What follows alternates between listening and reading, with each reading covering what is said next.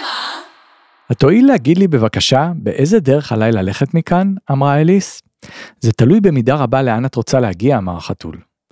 לא אכפת לי כל כך לאן, אמרה אליס. אם כך, לא משנה באיזו דרך תלכי, אמר החתול. מתוך אליסה בארץ הפלאות. שלום לכם חברים, אני שמח שהצטרפתם לפרק השישי של הפודקאסט השקעות להייטקיסטים. אליסה בארץ הפלאות, סיפור ילדים יפהפה ועם זאת בעל תובנות עמוקות שמתאימות לאנשים בכל גיל. אני חושב שבאיזשהו מקום זה מה שתרם להצלחה של הסיפור הזה כל כך. המשפט שפתחתי איתו מדגיש נקודה מאוד חשובה בחיים. אם אנחנו לא יודעים לאן אנחנו רוצים להגיע, זה לא ממש משנה באיזה דרך נבחר. לרוב, אומר מניסיוני, אנחנו נתברבר, נלך לכל מיני כיוונים שונים, לעיתים מנוגדים, ולא נגיע באמת לאן ששאפנו להגיע. לכל אחד מאיתנו יש שאיפות. חלקן גלויות, חלקן סמויות, ובלא מעט מקרים אנחנו בוחרים להסתיר את השאיפות שלנו אפילו מעצמנו. אנחנו לא באמת מבינים מה יעשה לנו טוב, ולכן האתגר להבין היכן אנחנו רוצים להיות בעוד כך וכך שנים, הוא אתגר משמעותי. אבל ברגע שתהיו כנים עם עצמכם ותבינו לאן אתם באמת מכוונים, חייכם ישתפרו ללא היכר. בהקשר הכלכלי, למדנו להגדיר את היעדים שלנו, לפרוט אותם לצורך כלכלי בדמות הכנסה פסיבית כזאת או אחרת, ואפילו בנינו תוכנית פעולה. בכל חודש עלינו להפקיד כך וכך על מנת להגיע ליעד שלנו. אפילו בנינו על תשואה מסוימת שהכסף שלנו יניב, וכך נגיע ליעד בזמן שהגדרנו. אם התשואה תהיה שונה, יכול להיות שהתוכנית והיעדים יצטרכו להשתנות גם כן. המטרה של הפודקאסט הזה והפודקאסט שאחריו הוא לדבר על אפיקי ההשקעה השונים. אלה שביכולתם לבנות אסטרטגיה שתניב לכם תשואה שבתקווה תהיה דומה לזו שתכננתם לקבל. שזה בעצם כמו לדבר על מצרכים לעוגה או לבישול של תבשיל מסוים. צריך להבין כיצד מתנהג כל רכיב בעוגה שנכין. ביצים הם נוזליות, קמח הוא יבש, דבש מוסיף מתיקות, מלח מחזק טעמים, אבל יותר מדי ממנו יכול להיות מר. ככה גם באפיקי השקעה, צריך להבין את הכלים השונים שאיתם אנחנו בונים או נבנה את, אה, את ההשקעות שלנו. זאת על מנת שנוכל לבנות תמהיל נכון. מה זה תמהיל נכון? קודם כל תמהיל של השקעות שמתאימות לנו. מצד אחד שנוכל לישון בשקט בלילה ולא נצטרך להחליף כל בוקר השקעה מסוימת בהשקעה אחרת. אנחנו כאן הרי לטווח ארוך ואנחנו רוצים שאופי ההשקעות שנשקיע יתאים קודם כל לצרכים שלנו. כלומר להשיג תשואה נאותה כזאת שתתמוך בתוכנית שבנינו, כמו שעשינו בפרק הקודם. להזכירכם, ניתן לבקר באתר שלי בשם להתעשר ולא במקרה, יש גם לינק שמצורף לפודקאסט.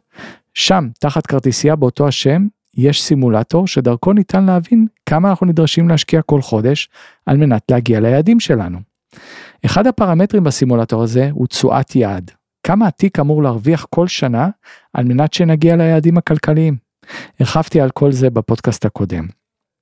לאחר שהבנו מה נדרש מתיק ההשקעות שלנו על מנת להגיע לתשואת יעד כזו או אחרת, חשוב מאוד שהתיק יהיה מפוזר באופן כזה שלא יהיה תנודתי מדי.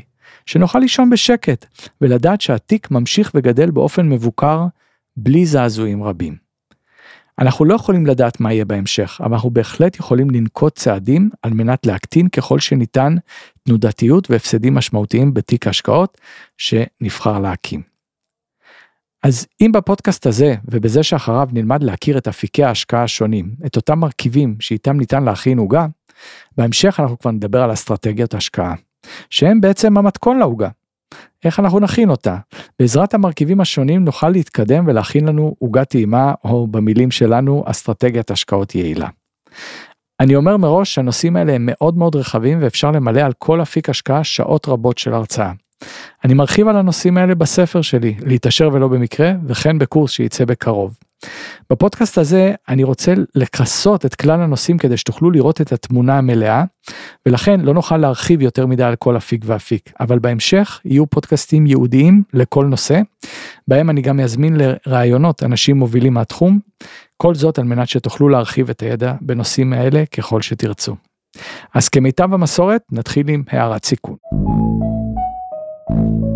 אין לראות באמור לעיל. המלצה לשיווק ייעוץ השקעות או המלצה לביצוע כל פעולה ואו ייעוץ שתבחרו לעשות על דעתכם האישית ואחריותכם הבלעדית. המידע מוצג לידיעה ומסייע. מרענן מדליק כך חלילה לא פוגע. רק לימוד השקעות שיתנגן לכם ברקע יואו. עכשיו מתחילים. השקעות להייטקיסטים השקעות להייטקיסטים בגדול ניתן לחלק את אפיקי ההשקעה לשתי קבוצות עיקריות. הקבוצה הראשונה היא אפיקי השקעה הנסחרים בשוק ההון המסורתי, בבורסה. ואפיקי השקעה נוספים הם אפיקי השקעה אלטרנטיביים, עליהם אנחנו נדבר טיפה בהמשך. אבל בואו נתחיל משוק ההון המסורתי, או הבורסה, מהי בורסה למעשה? אם אני אקח אתכם לשוק שליד הבית שלי, אתם תראו שוק שמוכרים בו ירקות, פירות, גבינות, בשר, כל מיני דברים. כל מוכר יציע את מרכולתו במחיר מסוים, ואם המחיר הזה יתאים לי, אני אלך ואקנה את המלפפונים המתאימים או את העגבניות. יכול להיות שאני אבחר ללכת לדוכן ממול, אולי המלפפונים נראים קצת פחות טוב ממה שהוא מציע, אבל במחיר שיותר אטרקטיבי עבורי. הבורסה היא למעשה גם שוק שבו קונים ומוכרים ניירות ערך. גם שם יש מוכרים שמציעים סחורה, וגם שם כל מוכר ינקוב במחיר עבור הסחורה שלו. אז מה זה ניירות ערך? ניירות ערך זה בעצם שם כולל למספר סוגים של מוצרים. בשוק ההון אנחנו נסחור במוצרים כגון אגרות חוב, מניות, כתבי אופציה להמרה, מכשירי השקעה מורכבים ועוד. ניירות ערך אלו מונפקים או מיוצרים לרוב בידי חברה מסוימת או אף בידי הממשלה. מחירם של ניירות הערך נקבע בהתאם לביקוש והיצע לגביהם במהלך יום המסחר. אה, אני תמיד צוחק כשהייתי בהודו אה, יכולתי לקנות מה שאני רוצה והחנויות מכרו אין סוף אה, מוצרים לתיירים. יש רק דבר אחד שהיה מאוד מאוד בחסר שם וזה ניירות טואלט וגילינו שנייר טואלט הוא אחד הדברים הכי יקרים לרכוש במקומות מסוימים בהודו. אז זה דוגמה לביקוש והיצע שיש להתייחס אליו גם במניות. אז באותם אפיקים הנסחרים בשוק ההון המסורתי אנחנו נקנה ונמכור ניירות ערך באמצעות הבורסה אפיקי השקעה שאנחנו נכסה במסגרת הפודקאסט הזה הינם אגרות חוב, מניות, ונדבר גם על קרנות. אה, בפודקאסט הבא אנחנו נדבר גם על אפיקי השקעה אלטרנטיביים, כאלה שנסחרים מחוץ לשוק ההון המסורתי. במסגרת אפיקים אלו אנחנו יכולים להשקיע בין השאר בזהב, ביטקוין, נדל"ן והשקעות אלטרנטיביות נוספות.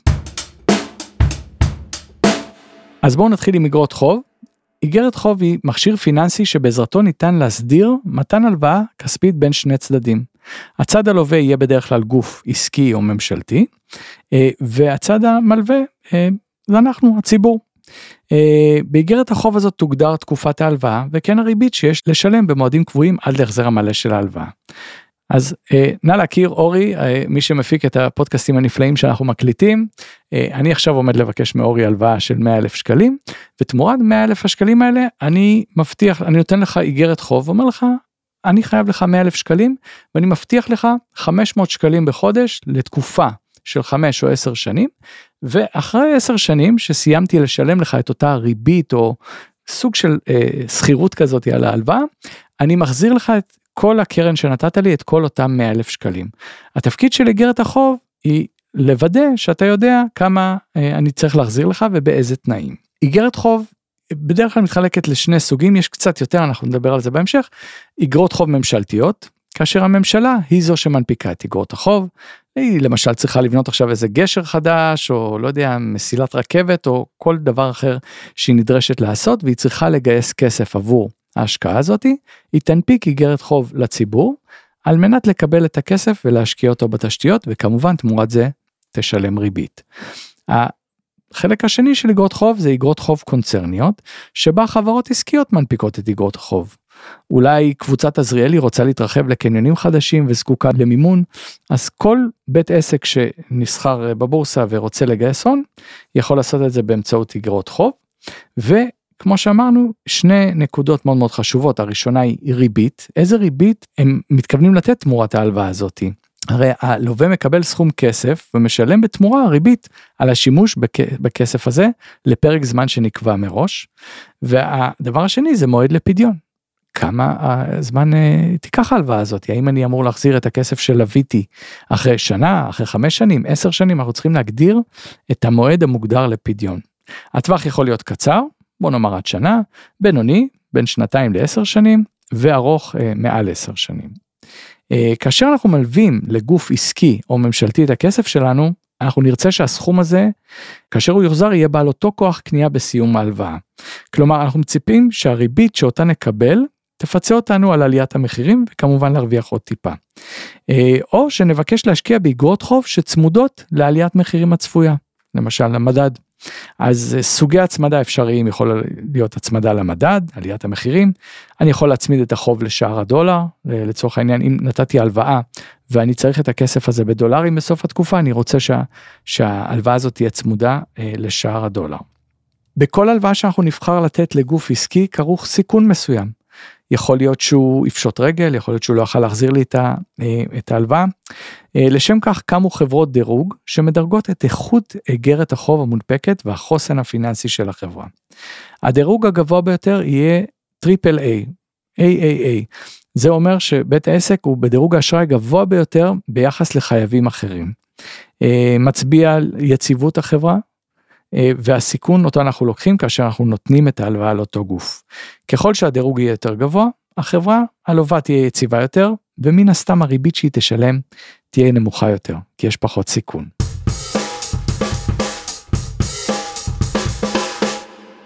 בואו נדבר אה, לגבי תשואת אגרות החוב. התשואה שמניבה איגרת חוב מתחלקת לשני מרכיבים. אחד זה תזרימי הריבית שהתקבלו בתקופת החזקת האיגרת, כמה ריבית שילמתי על ההלוואה, ושתיים, רווח הון, מה המחיר מכירה של האיגרת למול מחיר הקנייה. אם אני אשווה את זה לדבר שהכי קל להבין זה לבית, קנינו בית וקיבלנו כל חודש שכירות עד שמכרנו את הבית. וכשמכרנו את הבית יכול להיות שמכרנו אותו ביותר או בפחות יש לנו רווח הון מהמכירה. איגרת חוב מאוד מאוד דומה לזה. כל עוד אתם מחזיקים בה היא משלמת לכם מעין שכירות בדמות תזרים הריבית הזאת וכשאתם מוכרים ייתכן מאוד שתרוויחו רווח הון אה, על האיגרת. בגדול ההבדל היחידי בין בית לאיגרת חוב היא כש, כשאני מנפיק איגרת כזאת בדיוק ברגע הלוואה נגיד הנפקתי איגרת חוב ב-100 שקלים בתום התקופה אה, המחיר שלה יהיה 100 אני אחזיר 100 שקלים עבור ההלוואה אבל לאורך כל התקופה כל התווך הזה בין ההנפקה של האיגרת לבין החזר ההון המחיר יכול לעלות ולרדת בדרך כלל כתוצאה משינויים בריבית המקובלת במשק. מה בדיוק הקשר ההפוך שיש לנו בין ריבית לאיגרת חוב. במשק מקובל, מקובל לקבל איזושהי ריבית מסוימת על הלוואות שאנחנו נותנים וכל איגרות החוב שוב לפי הדירוג שלהם נותנות ריבית יחסית ל- ל- לאותה ריבית מקובלת. אז בוא נניח שרכשתם איגרת חוב לתקופה של שנה אחת בלבד ב-100 שקלים והריבית המקובלת באותו זמן הייתה 10%. זה מה שהיה מקובל. אז אותם 100 שקלים הובטח אה, להחזיר אותם בעוד שנה, אבל לשלם 10 שקלים לאורך תקופת השנה הזאתי את אותה ריבית. עכשיו בואו נאמר שיום אחרי שקניתם את אותה איגרת חוב, התשואה המקובלת במשק ירדה מ-10% ל-5. כלומר 100 שקלים אמורים לתת רק 5 שקלים בשנה. אבל האיגרת שאני קניתי נותנת 10. זאת אומרת שאת אותה איגרת ב-100 שקלים אני יכול למכור באותו הרגע ביותר כסף. אם הייתי מתעלם מהרווח במכירה, הייתי אומר שהאיגרת תהיה שווה 200 שקלים, כי אז 10 שקלים מהווים 5% מאותם 200 שקלים. המחיר כמובן לא יהיה 200 שקלים, מכיוון שמחיר האיגרת בסוף התקופה יהיה 100 שקלים בהתאם למכירה בהנפקה. ואז כשאני קונה איגרת יקרה יותר מהמחיר שאקבל בפדיון, אני בעצם מוותר על חלק מהתשואה הכוללת שאני אעשה. התשואה הכוללת כוללת גם את הריבית שאני מקבל בשוטף וגם את רווח ההון, או במקרה הזה הפסד הון בסוף התקופה כשיוחזרו לי אותם 100 שקלים. אבל רציתי שתבינו את הרעיון שככל שמעלים ריבית, מחיר איגרת החוב יורד, וככל שמורידים אותה, מחיר איגרת החוב עולה בהתאם. עד פה לגבי אגרות חוב, אני אמשיך למניות, החלק הזה דיבר יותר למתחילים, אני רוצה להגיד לכם בכמה מילים כמה רחוק אפשר לקחת את העולם הזה של אגרות חוב, כי אה, אנחנו נרחיב על זה בפודקאסט אחר. ואנחנו נדבר שם על סוגי אגרות החוב. בארצות הברית לדוגמה אגרת ממשלתית מחולקת לשלושה. יש treasury bills treasury notes ו-treasury bonds טווחים שונים של אגרות חוב. יש אגרות חוב שנקראות אגרות חוב מוניציפליות דירוגים שונים. יש אגרות חוב שמגובות משכנתאות. יש הרבה מאוד נושאים מאוד מאוד מעניינים. וכשאנחנו קונים איגרת חוב צריך לקחת בחשבון שיש כל מיני סיכונים אה, שאנחנו אה, צריכים להתייחס אליהם כמו סיכוני קרדיט כלומר יכול להיות שהחברה לא תוכל אה, בכלל לשרת את החוב שהיא לקחה. סיכוני ריבית כמו שתיארתי לכם עכשיו יכולים להשפיע מאוד על המחיר. סיכונים סיסטמטיים תארו לכם שאתם משקיעים עכשיו באגרות חוב של חברות שלא יודע מה משקיעות בנפט והנפט חוטף איזה מכה לא נורמלית אנחנו נדבר על זה בהמשך כמו שקרה בתקופת הקורונה. נושאים כמו קולבל בונדס שזה אתם אנשים פחות מכירים אבל כשאני קונה איגרת חוב לעשר שנים התשואה שלה נקבעת לפי המחיר וה, והריבית שהיא נותנת ואני מחשב את זה שאם אני אחזיק אותה עשר שנים אני ארוויח את מה שאני מצפה לקבל אבל הבל בונדס זה אגרות חוב שהמנפיק יכול להחזיר את ההלוואה גם מחר בבוקר הוא לא חייב לחכות עשר שנים ואז זה משנה לחלוטין את כל התפיסה ואת התמונה של איך אנחנו מסתכלים על אה, רכישה של אגרת חוב ומה המחיר האמיתי שלה. ולסיכום אה, גם סיכוני מטח אני יכול לקנות אגרות חוב זרות שאולי נותנות ריבית יפה אבל בפועל המטח יכול אה, לגרום לי הפרשי מטח יכולים לגרום לי להפסיד. אז זה ממש ככה על קצה המזלג בואו נתקדם למניות.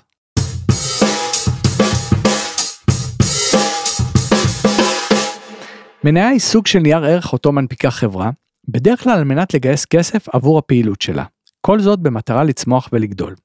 כאשר מקימים חברה, מנפיקים מניות על מנת שישמשו כשטרי בעלות לאותם שותפים שהקימו את החברה. אז בואו נאמר שיש ארבעה בעלים שהקימו חברה בעלות של 100 ש"ח. כל חבר קיבל מניות בשווי 25 ש"ח. ככה בעצם כל חבר מחזיק ברבע משווי החברה. בהמשך החברה הזאת גדלה מאוד והיא כבר לא שווה 100 ש"ח, היא שווה 10 מיליון שקל. והחברים מספיק להם להחזיק ב-30% מהחברה והם מוכנים תמורת 70% ללכת ולהנפיק מניות לציבור על מנת לגייס סכום של 7 מיליון שקלים אה, ולפתח את החברה. אז אותם 7 מיליון שקלים מחולקים בוא נאמר ל-7 מיליון אה, יחידות של מניה כאשר כל מניה שווה שקל. כאשר אני בא ומשקיע 100 אלף שקלים בחברה, יש לי איזשהו חלק יחסי ב, ב, בחברה הזאת. עכשיו, למה אני קונה את זה? כי אני מאמין בחברה הזאת, אני מאמין שאולי היום היא שווה 10 מיליון, אבל מחר יכול להיות שהיא תהיה שווה 20 מיליון, ואז אם אני השקעתי 100 אלף ש"ח, פתאום המניות שלי שוות 200 אלף. אז אחד ממקורות הרווח העיקריים בהשקעה במניות הוא הציפייה לעליית הערך שלהם. במידה והחברה תהיה רווחית והעתיד שלפניה יהיה מזהיר, שווי החברה עשוי לעלות משמעותית. במידה והחברה תציג ביצועים גרועים והצפי שלה להתפתח יקטן, שווי המניה שלכם עלול להיות נמוך יותר. זאת מכיוון שערך המניה בעצם מצביע על הציפיות לרווח בעתיד. זה לא בהכרח אומר כמה החברה שווה היום יותר או פחות, יש לזה גם משקל, אבל יותר הציפיות, האם יש צפי להתפתחות או לא. עכשיו כשאנחנו באים לקנות מניה כזאתי אנחנו צריכים להבין מה הערך האמיתי שלה. כי לפעמים היא תהיה מתומחרת פחות או יותר במחיר שהיא שווה לפעמים הרבה הרבה מעבר ולפעמים הרבה פחות ואין טעם לקנות מניה בתמחור של משהו שהוא הרבה יותר גבוה. בוא נגיד שאתם הולכים לקנות מנת פלאפל והיא עולה היום 20 שקל אם תעברו לקיוסק ממול וימכרו לכם את זה ב-140 שקל אתם תגידו תשמעו כולה פלאפל לא הגיוני שאנחנו נשלם 140 שקל על uh, חצי מנה. ולכן גם כשהביצועים של חברה הם טובים אם הציפיות הן גבוהות מדי ולפעמים לא ריאליות uh, אנחנו עלולים למצוא את עצמנו עם uh, הפסדים לא קטנים. מקור רווח אפשרי נוסף למניה הוא דיבידנד. כלומר, כאשר חברה מרוויחה, היא עשויה לחלוק חלק מהרווחים האלו עם בעלי המניות. ממש כמו שדיברנו על ריבית באג"ח ועל uh, שכר דירה בדירה שיש לכם, אתם יכולים לקבל דיבידנד קבוע מהחברה, כל עוד היא מחלקת אותו, בשוטף, ללא קשר לעליית הערך, שזה כשנמכור נוכל ליהנות ממנו גם. חלוקת הרווחים הזו נעשית באמצעות תשלום דיבידנד אה, תקופתי.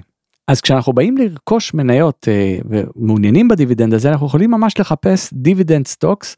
זה מניות כדרך קבע נותנות דיבידנד ויש אפילו אה, קטגוריה עוד יותר אה, אה, אה, קטנה שנקראת dividend aristocrat stocks שזה בעצם אה, מניות שבמשך לפחות 25 שנה העלו את הדיבידנד של, שלהם כל שנה ביותר כסף. שנה אחר שנה במשך 25 שנה אנחנו מקבלים יותר ויותר דיבידנדים אה, מאותה מניה ולכן זה מקור רווח אה, לא מבוטל במיוחד במניות מהסוג הזה.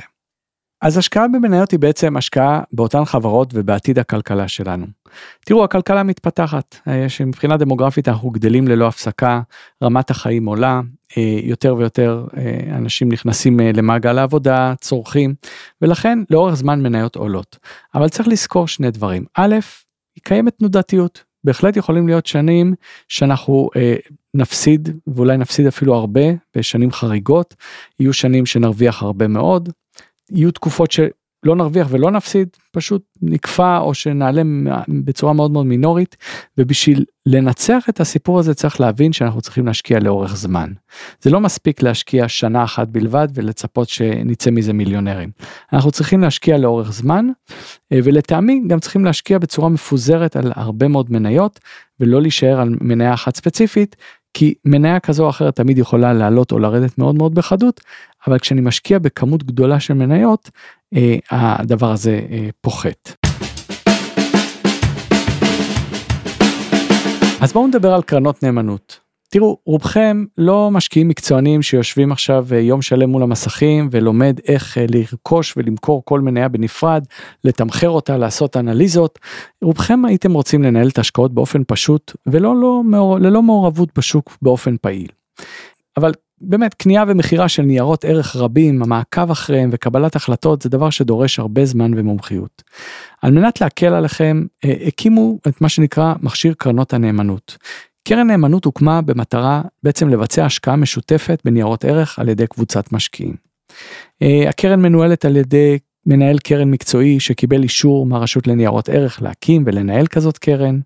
אה, יש לקרן הזאת אה, נאמן שמפקח על הפעילות, זה דבר די בטוח. יש תשקיף שבמסגרתו קובעים את תנאי הקרן, כגון מדיניות השקעה, עמלות וכדומה.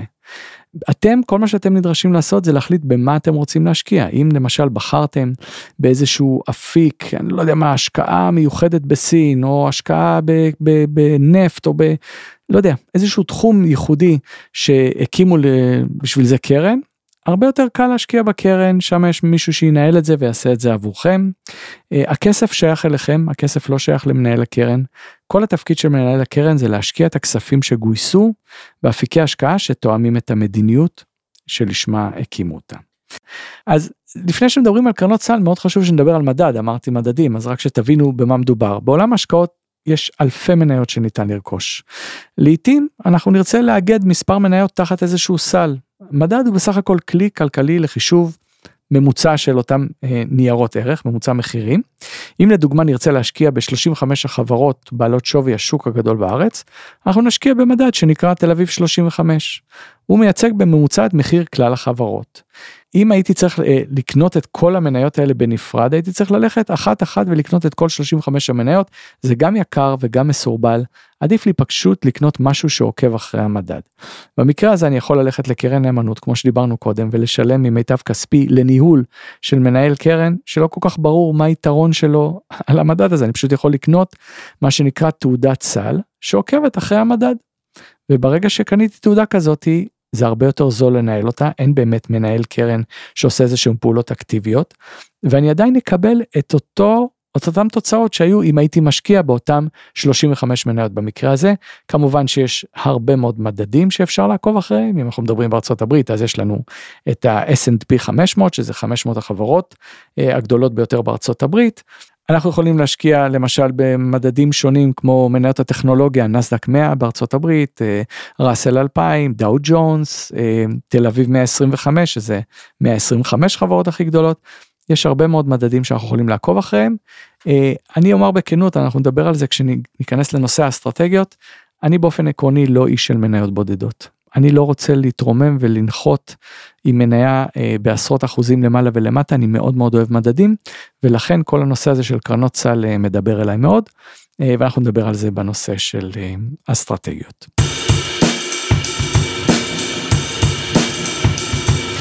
עד פה הסבר על שוק ההון המסורתי. אנחנו כן ניגע, כשנצלול קצת יותר פנימה, בנושאים נוספים כמו אופציות וחוזים עתידיים. אני לא ארחיב על זה יותר מדי, אבל אני רק רוצה גם לספר לכם סיפור נחמד וגם שתבינו שכל הנושא הזה של אופציות וחוזים עתידיים זה בעצם כלים שנועדו לגידור. בעצם לשמור עליכם. אה, דוגמה טובה של חבר שלי שניהל הרבה מאוד תחנות דלק בארצות הברית, הוא אמר תשמעו הדלק עמד אה, בתקופה מסוימת על 72 דולר ואני ידעתי שבעוד חודש אני עומד לקנות כמות אדירה של דלק בשביל כל תחנות הדלק שאני מנהל ולא הייתי מעוניין לשלם יותר מ-72 דולר. אז אה, קניתי חוזה עתידי חודשיים קדימה כדי לוודא שבעוד חודשיים לא משנה מה יהיה מחיר הדלק אני קונה אותו ב-72 דולר, אחרת אני מסכן את העסק שלי. לכן יש הרבה מאוד אה, יתר, יתרון באופציות וחוזים עתידיים על מנת לגדר את ההפסדים שלנו. אה, יש הרבה אנשים שפשוט משתמשים בזה בשביל אה, לעשות רווחים, הם אה, קונים או כותבים חוזה עתידי או אופציה על מנת לעשות איזשהו רווח אה, בהמשך.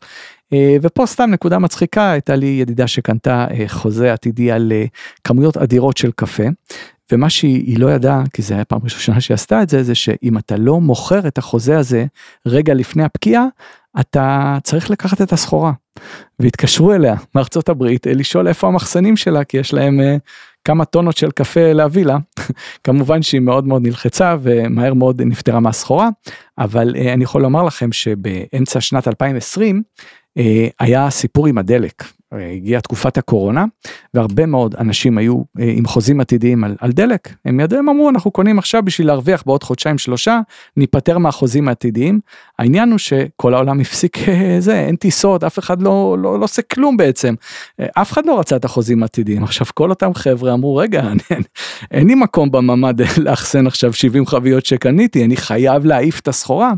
וככה יצא מצב הזייתי ממש שמחיר חבית נפט היה פחות מ-0 דולר. אנשים שילמו בשביל להיפטר מהחוזים האלה, כי האלטרנטיבה הייתה אה, אה, לרצף את החצר האחורית בהרבה מאוד חביות, אני בטוח שהשכנים לא היו מתלהבים מזה. אז אנחנו נדבר על הנושאים האלה כמובן כשנרחיב יותר על שוק ההון. אה, מילה על השקעות אלטרנטיביות, כי זה מה שאנחנו נעשה בפודקאסט הבא. אנחנו נדבר על אפיקי השקעה אלטרנטיביים. הרבה מאוד שנים לא השקיעו באפיקים האלה אנשים אה, של היום יום כי רף הכניסה היה מאוד מאוד גבוה. היה מספיק להשקיע במניות ואגרות חוב כל הזעזועים שראינו בשוק ההון אה, בשנים האחרונות גרמו לאנשים להתחיל ולהתעניין יותר באפיקים האלה אפיקים של אה, אלטרנטיביים ואני חושב שיהיה לכם מאוד מאוד מעניין לשמוע את זה. טוב חברים עד כאן השקעות להייטקיסטים, אני צח איציק, תודה לשם הפודקאסטים על ההפקה ולרשת אינבסטור 360, הגדולה בישראל בתחום הפיננסים וההשקעות.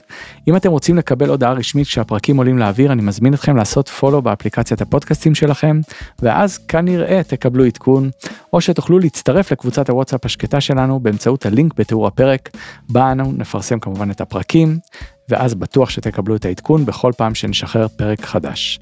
אז ביי לבינתיים. השקעות להייטקיסטים